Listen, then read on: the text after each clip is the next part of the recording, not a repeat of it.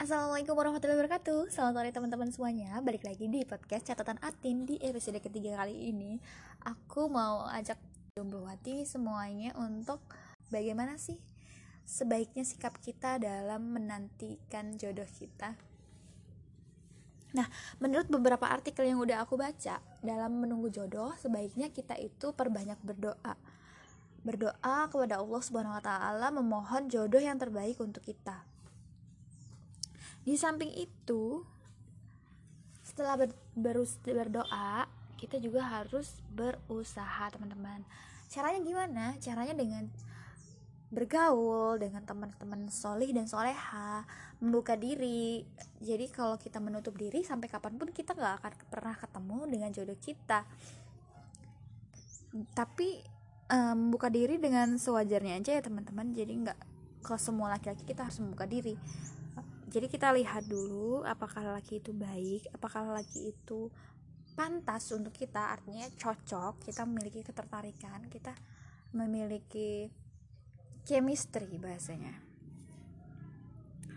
Kemudian yang ketiga kita dianjurkan untuk memperbanyak amalan-amalan atau memperbanyak ibadah di malam hari khususnya seperti berzikir, sholat malam, kemudian membaca Al-Quran. Masya Allah. Merinding ya. Itu benar-benar dahsyat teman-teman. Kekuatan ibadah di malam hari itu benar-benar luar biasa. Karena di saat itulah Allah akan mengabulkan setiap doa doa hambanya di malam hari itu. Apalagi di sepertiga malam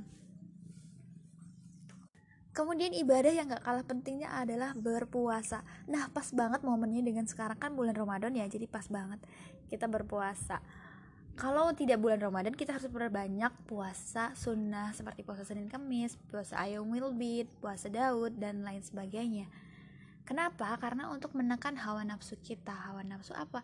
Hawa nafsu untuk segera menikah, terburu-buru, akhirnya dapat pasangan yang enggak sesuai sama kriteria kita akhirnya dapat pasangan yang ah bikin nyesel gitu. Yang berikutnya adalah bersedekah. Nah teman-teman bersedekah itu bisa untuk selain menolak bala dia juga bisa mempermudah doa agar cepat terkabul loh teman-teman. Karena apa? Karena dari dari kebermanfaatan sedekah kita untuk orang lain dari situ Allah juga akan membantu kebutuhan kita. Allah akan mencukupi kebutuhan kita. Allah akan mengabulkan segala niat hajat dan keinginan kita. Dan yang terakhir kita harus wajib kudu mesti banget yakin percaya kepada Allah bahwa suatu saat di waktu yang tepat dan dengan orang yang tepat kita akan dipertemukan.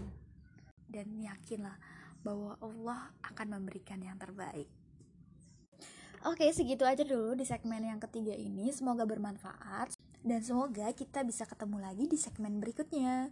Atin akhiri, wabillahi taufiq wal hidayah. Wassalamualaikum warahmatullahi wabarakatuh. Bye bye.